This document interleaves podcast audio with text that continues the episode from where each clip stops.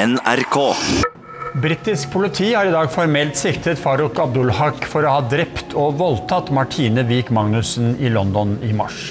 Den antatte gjerningsmannen er en rikmannssønn som har flyktet hjem til Jemen.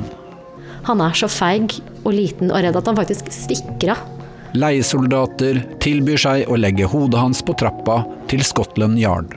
Det som de kunne garantere meg, var da eh, fotodokumentasjon av mistenkte med en kule mellom øynene.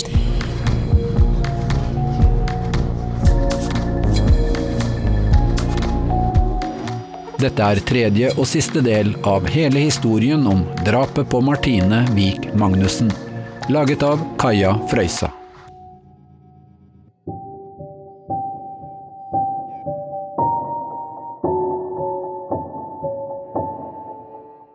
Altså, Klærne hennes og tingene hennes var borte, vesken hennes var borte. Den fant de aldri. De fant aldri ytterjakken hennes.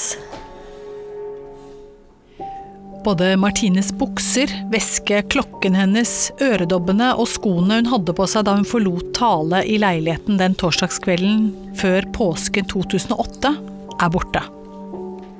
Altså, Vi lå jo fortsatt og sov når han stakk av. Og klokka ni samme morgen så var han på vei ut. Så det kan ikke ha gått veldig lang tid etter at de kom hjem fra den nattklubben. Så er det et eller annet som har skjedd. Obduksjonen viser at Martine bare noen timer tidligere ble voldtatt, og at hun døde av kvelning. Men liksom sånn, hva som skjedde akkurat der, det vet bare han.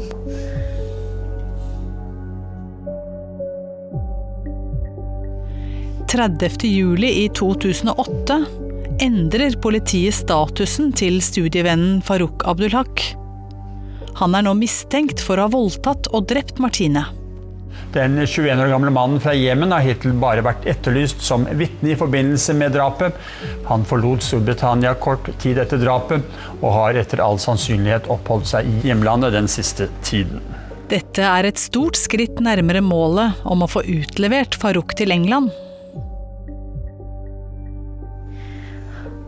Mitt inntrykk av han er liksom Det er den derre sjenerte, redde lille gutten som ikke tør å se deg i øynene. Som i tillegg begår en så motbydelig handling.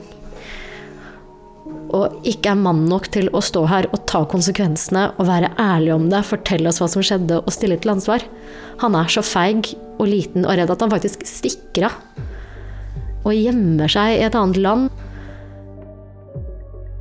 I etterlysningen publiserer politiet det første offisielle bildet av Farouk. Og Interpols 188 medlemsland blir varslet om at britisk politi er på jakt etter denne mannen. Farouk er liten av vekst og har brune øyne og sort hår.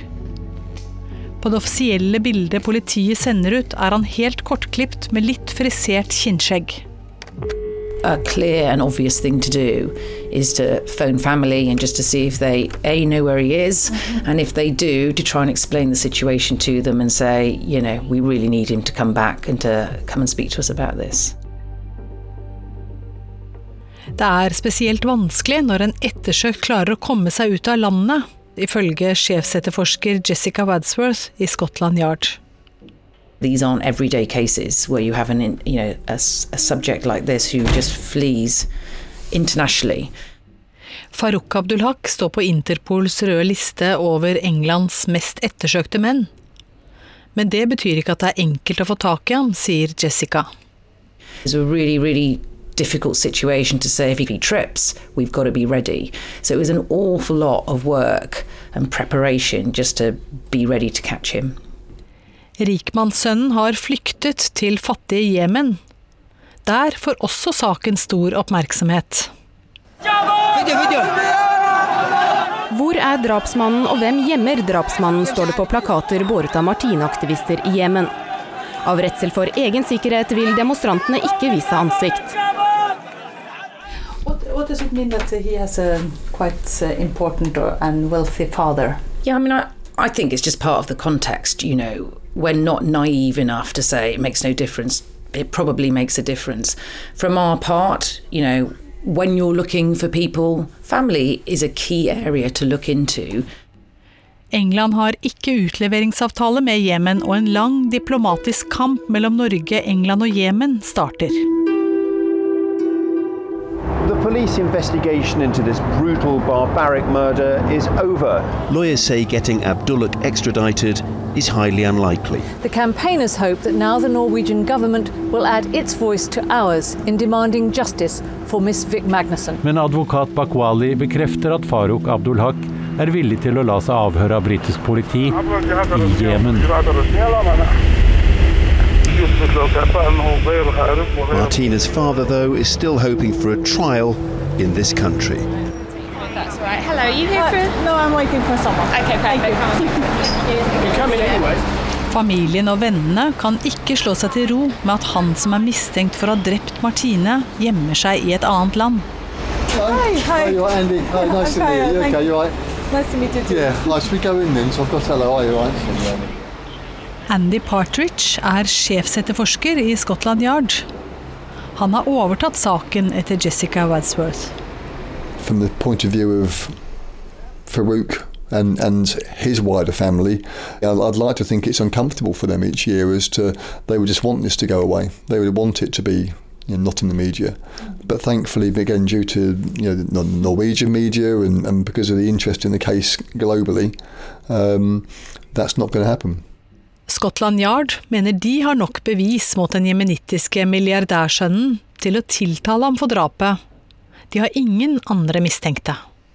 Um, and were he to return to the UK, um, you know, he, he would be entering into a judicial process.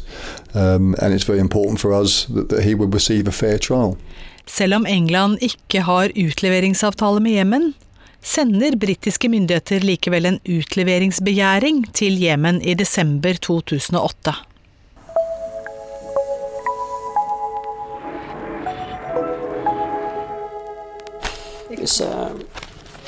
dette er liksom blekka med de viktigste brevene i Martinesaken fra høyeste hold. Og her er vel det brevet, da. Skal vi se, jeg må ha briller på, jeg da, vet du. Til og med engelske dronning Elisabeth engasjerer seg i saken. Hun sender et personlig brev til Martines familie. Ja, I dette brevet da, som kommer fra Buckingham Palace, uh, står det 'Dear Mr. Magnussen' osv. Her Majesty was deeply sorry to read of the terrible loss that you and your family have suffered, and the continuing distress caused by the fact that your daughter's killer remains at liberty. I 2010, to år etter at Martine ble drept i London, er Farouk fortsatt på frifot. Ungdomskompisen Per Anders er en av dem som er opprørt over at drapsmannen fortsetter et liv i frihet. Saken fikk jo veldig mye pressedekning i Norge eh, og internasjonalt. eh, Og Facebook-gruppen fikk 800 000 medlemmer på to dager. Så det var jo et enormt engasjement eh, i det norske folk. Men eh, man følte jo at norske myndigheter ikke gjorde nok for Martine. Nå blir Martinestiftelsen opprettet for å øke presset på Jemen. Vennene vil også presse norske myndigheter til å gjøre mer for å få utlevert Farouk til England. Venninnen Hedda Homme er en av pådriverne. Så da tenkte vi ok, da arrangerer vi et fakkeltog. Og det vi ikke visste, var at den dagen vi var veldig spente, det var veldig, veldig kaldt. Til og med politiet hadde kommet med masse støtte rundt med hester, og sto klar for å backe opp arrangementet. Og det var et presseoppslag vi aldri har sett lignende til noen gang. Alt fra utenlandsk presse til norsk presse. Og når dette fakkeltoppet ble arrangert, så gikk vi jo da med plakater eh, opp til UD og hadde en appell der. Eh, hvor vi sa det vi mente, eh, at de måtte eh, gjøre mer for å skape press rundt eh, de politiske relasjonene som har vært denne saken. Engasjementet og alle menneskene som møter opp i fakkeltoget den dagen, treffer også tidligere statsminister Kjell Magne Bondevik. Han har mange innflytelsesrike venner over hele verden. Kanskje han kan bidra til å få løst saken. Jeg var jo veldig berørt av at at eh, norsk jente blir drept, og at mistenkte kommer seg unna pga. også manglende utleveringsavtaler mellom Jemen og eh, Storbritannia. Så det er jo også et internasjonalt rettslig aspekt ved denne saken. Og så var det det at det slo ned i mitt hode at jeg kjenner jo faktisk en i Jemen eh, som har hatt stor innflytelse. Kanskje han fortsatt hadde det. Og når jeg kontakta han, så viste det at han hadde det. Han kjente både til Martine-saken, og han var da rådgiver for den sittende presidenten. Så eh, dermed så skjønte jeg at her er kanskje et eh, nyttig kontaktpunkt. For da tenkte, Hva tenkte du at du kunne gjøre, eller sånn, hva, det, hva kunne være din innsats i dette? Det ville jo være å nå fram til myndighetene i eh, Jemen. Eh, for at de skulle gjøre hva de kunne og legge press på mistenkte til å dra tilbake til England og gjøre opp for seg i en rettssal. Men å utlevere Farouk mot hans egen vilje ville være i strid med Jemens grunnlov. Den mistenkte var myndig, han hadde sine egne advokater, og de kunne ikke arrestere og utlevere han.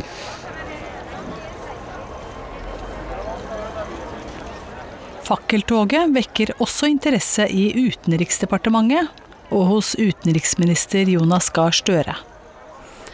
Og etter vi var ferdig med dette fakkeltoget, eh, så ble vi da oppringt relativt slitne, eh, fulle av inntrykk, eh, og egentlig bare veldig rørt av at så mange mennesker engasjerte seg så mye. Av UD, hvor de ville at vi skulle ha et møte med Jonas Gahr Støre. Vi sitter ikke med avtaler eller andre maktmidler til å kunne gjennomtvinge en utlevering, men vi må forsøke å stimulere myndighetene i Jemen, i samarbeid med familiene, og bidra til en frivillig utlevering. Eh, Jonas Gahr Støre lovet ingenting. Det går ikke en dag uten at Hedda tenker på Martine. Hun eh, er også på største bilderammen jeg har hjemme, og jeg tror hun er den eneste som får lov til å ta den plassen uansett i løpet av livet mitt. Så får hun den største plassen akkurat på den eh, bordet hjemme, fordi hun, hun betydde vanvittig mye for både meg og Per Anders og de andre som var rundt henne. Og det, det savner jeg. Savner henne.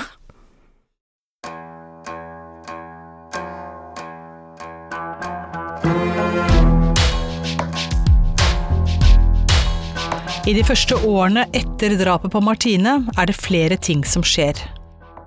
Familien får tilbud fra uventet hold til å løse saken privat. Ja, det er uh, hovedsakelig uh, det jeg vil kalle paramilitære grupper.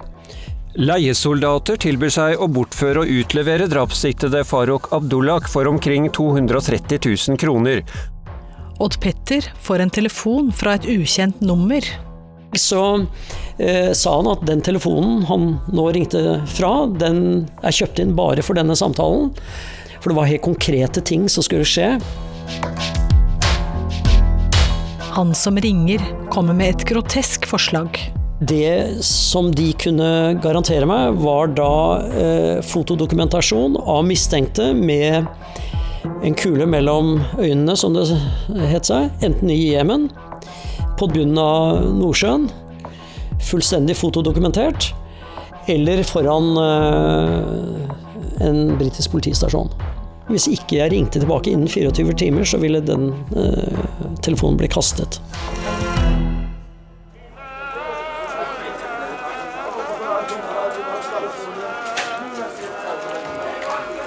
Danske Lars Madsen bor i Jemen på denne tiden. Han har viktige kontakter langt inn i statsapparatet i landet. Han er sikkerhetsrådgiver for Jemens kystvakt og for det britiske utenriksdepartementet, FCO. Nå vil han hjelpe til med å løse saken. Og han skal få en betydningsfull rolle overfor familien til Farouk. Jeg mener det var august måned 2010, hvor jeg hørte sånn henslengt i en samtale med øh, øh dr. Al-Kirbi. Abu Bakr al-Kirbi er utenriksminister i Jemen.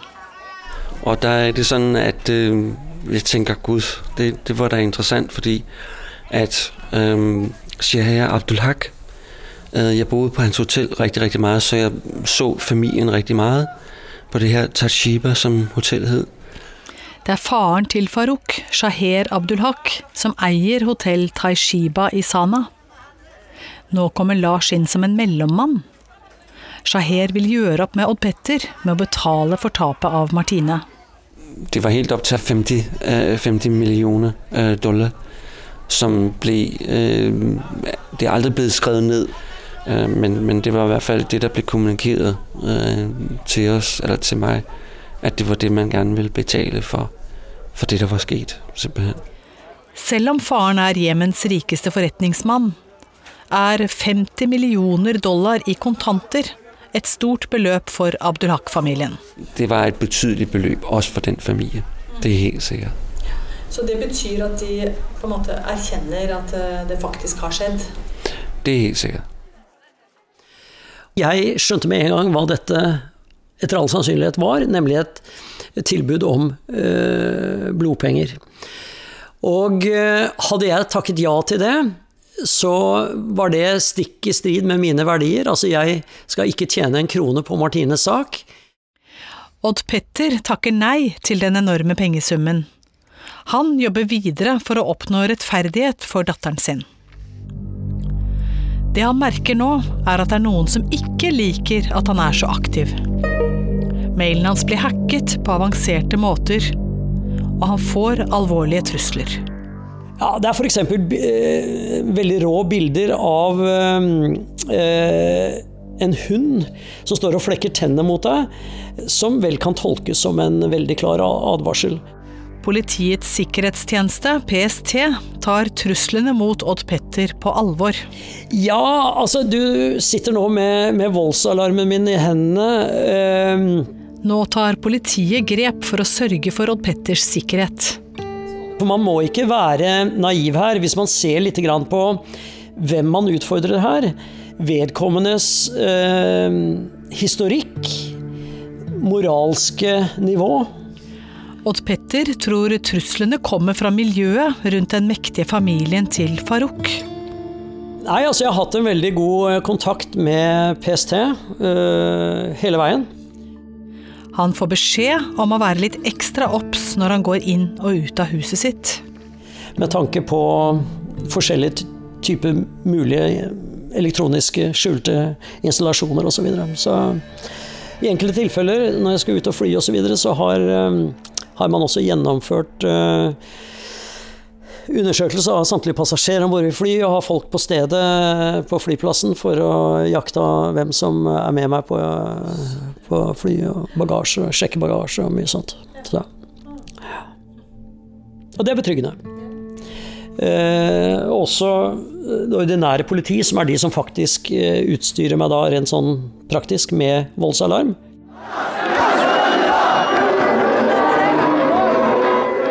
Det er også angrep på Martines støttespillere i Jemen. Uh... Hjemme i Norge følger lederen for Martinestiftelsen nøye med på situasjonen. Nå får han melding om at en av Martines støttespillere er knivstukket. De siste meldingene går nå ut på at han eh, ligger på intensivavdelingen på et sykehus som vi ikke kan gi navnet på, men han er hardt skadet. Det er risikabelt å demonstrere i Jemen. They were holding poster about Martina case and other cases, and it is dangerous for them. And be, but because they feel that uh, what they are demonstrate, demonstrating for is worth even their life.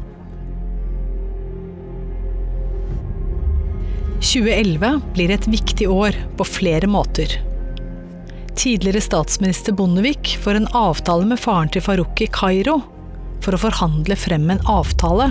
Altså det er litt sånn typisk skal vi si, arabisk prega stue, med dype, brune skinnsofaer i en slags firkant eh, langs veggene eh, i denne stua, og med et eh, salongbord i midten, litt langt borte fra der vi satt.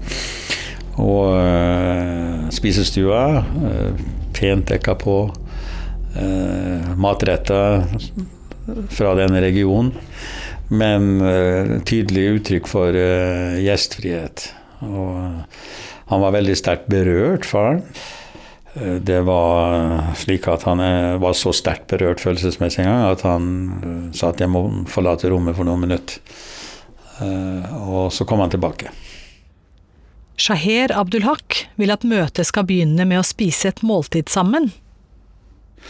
Vi ville heller ha det motsatt, fordi vi ville ikke at han skulle på en måte myke opp oss gjennom et uh, godt måltid før vi kom til saken.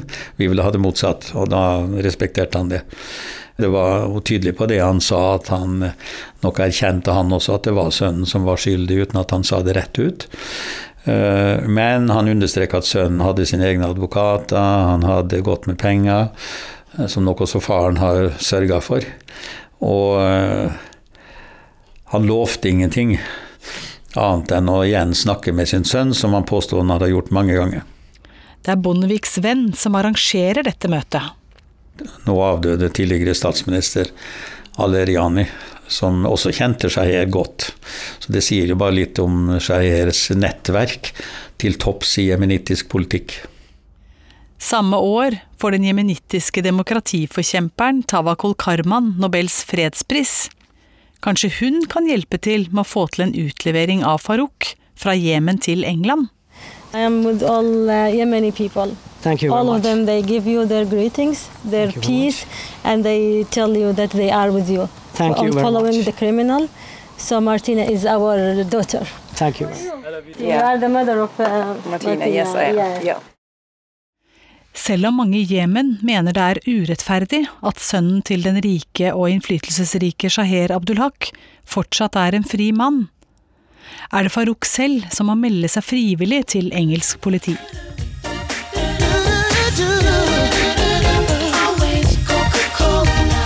Det skulle være kjente reklametoner for en verdenskjent leskedrikk. Støttespillerne til den drepte Martine Wiik Magnussen går nå nye veier for å få tak i den drapsmistenkte Farouk Abdullah. Brusgiganten Coca-Cola skal nå få svi for at de samarbeider med faren til Farouk.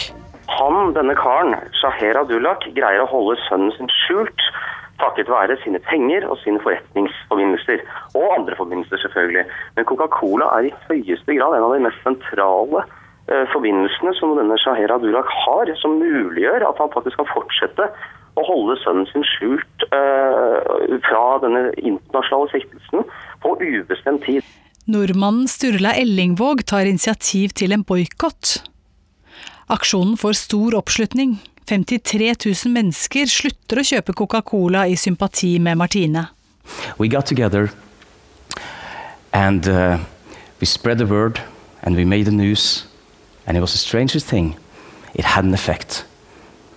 For two weeks the coca-cola company they said no no no. And then they changed their minds. Suddenly. Etter to ukers boikott gir selskapet etter og kutter samarbeidet med den jemenittiske sukkerkongen. And today, Farouk Abdullah, the suspect, the only suspect, still refuses to face trial, but our effort has put a tremendous pressure on the family to do the right thing.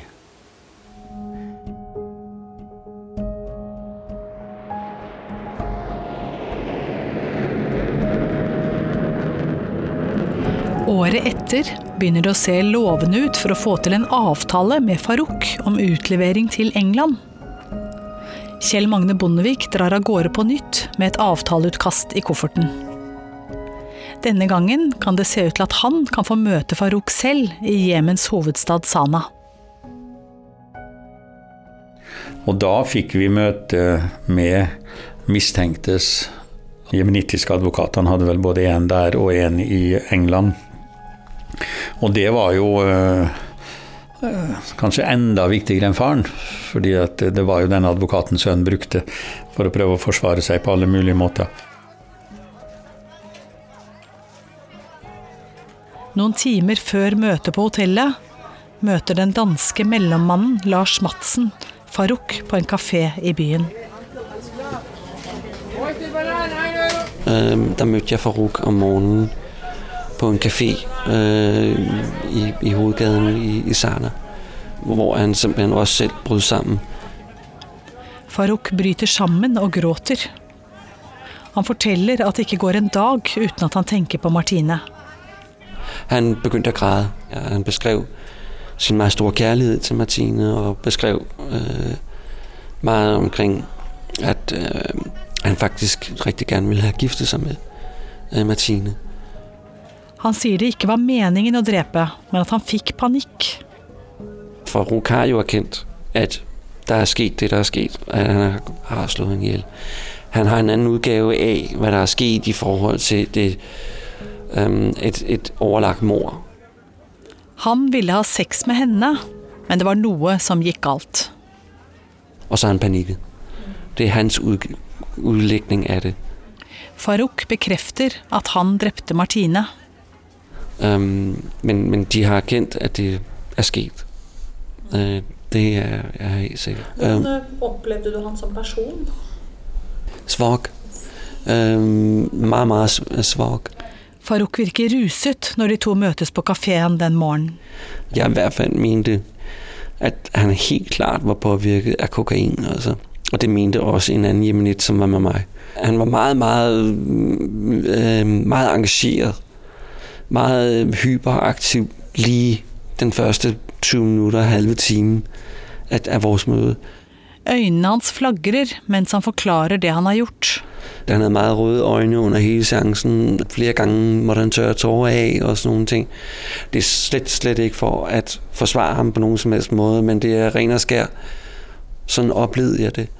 Selv om Lars er helt dansk, har han bodd så lenge i Jemen at mange tar han nesten for å være jemenitt. Og det er kanskje derfor akkurat han får denne innrømmelsen fra Farouk. Jeg ses nok som en jemenit i mange henseender, og har en viss innflytelse på, på visse ting. De ting, som der også skete i Jemen omkring hans sag, at jeg ikke et eller andet sted hadde sympati for ham. Farouk vil at Lars skal formidle hans side av saken til nordmennene. Klokken tolv samme dag skal Bondevik få møte Farouk på hotell Tashiba, som er eid av faren. Jeg hadde jo forberedt et forslag til en skriftlig avtale som bl.a. da konkluderte med at han skulle reise tilbake til England, mistenkte, og øh, gjøre opp for seg og ta sin straff. Vi holdt jevnlig kontakt med Scotland Yard, som vi har samarbeidet med øh, hele tida. øh, Og under møtet på telefon Under det flere timer lange møtet løper advokaten flere ganger opp til Farouk, som sitter noen etasjer lenger opp. og konsulterte han. Eh, og selv om det siste utkastet til avtale da var ikke helt forpliktende, det var ikke mulig å få til når det gjelder hans retur til England. Vi var jo litt optimist når vi satt i møte med mistenktes advokat. Så etter at advokaten hadde snakka med mistenkt om det, så ble også det forkasta fra deres side. Dermed så ble det ikke noen avtale. NRK har forsøkt å få en kommentar fra Farouk, men vi har ikke klart å få tak i han. Det kan hende de hadde bestemt seg for forhånd, det er veldig vanskelig for oss å vite. Men i hvert fall når det liksom virkelig var snakk om forpliktende formuleringer, så sklei de unna. Så eh, det var ikke tilstrekkelig vilje. Det var helt tydelig. I 2014 kommer det et nytt tilbakeslag for vennene og familien til Martine. Farouk gifter seg i Jemen med en ung jente. Åh, hvem har lyst til å gifte seg med han der? Martines barndomsvenninne Henriette blir pessimistisk av nyheten fra Jemen. Jeg tror eh, han blir der nede. Og nå skal han gifte seg og kommer til å leve det livet han har muligheten til å leve der nede.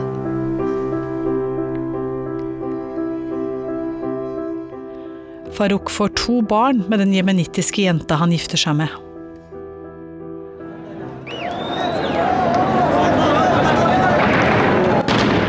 Politiske situasjonen i Jemen blir nå stadig mer kaotisk. Og familien Abdulhaks gode venn og støttespiller, president Saleh, blir drept i 2017. Houthi-bevegelsen var den drepte presidentens støttespillere. De tar kontroll over viktige deler av landet, og det betyr at Farouk fortsatt kan leve beskyttet.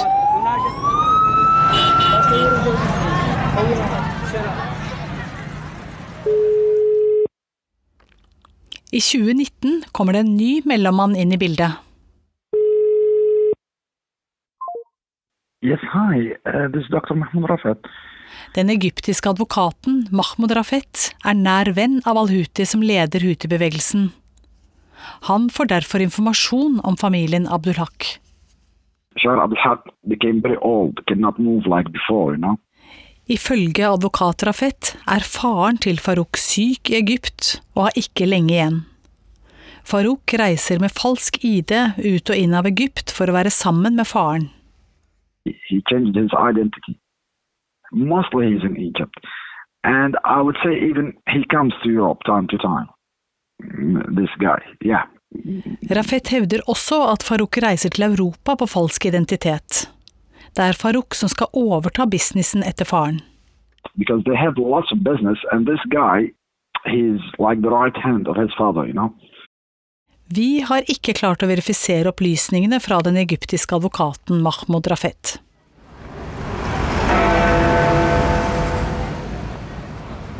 I England fortsetter Scotland Yard jakten på Farouk. Saken har ingen foreldelsesfrist.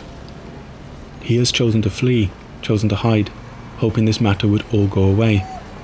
I forbindelse med tolvårsdagen for drapet omtaler London-politiet han som en feiging som gjemmer seg. The actions of a coward.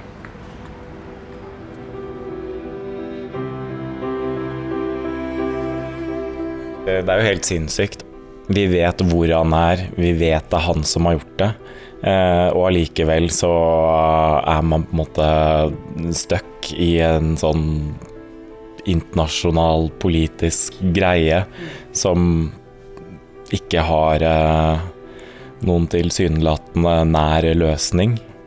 Og det er utrolig utrolig trist å tenke på. At livet hans har gått videre mens eh, Martine har vært død i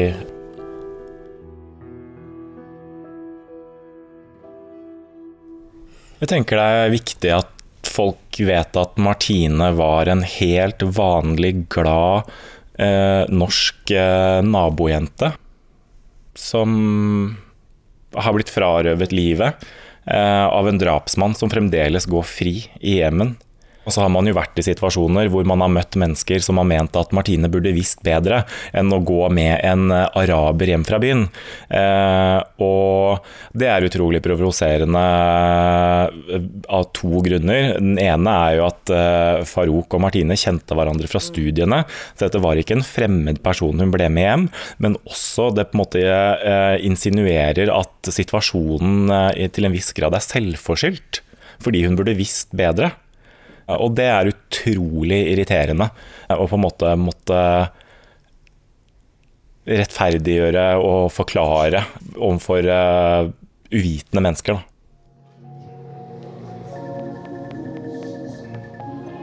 Både faren og moren til Martine har fortsatt et håp om rettferdighet for datteren. Så jeg håper virkelig og tror at britisk politi aldri vil gi opp og finne ut av hvordan de skal få mistenkte stilt til rett og ta sin straff.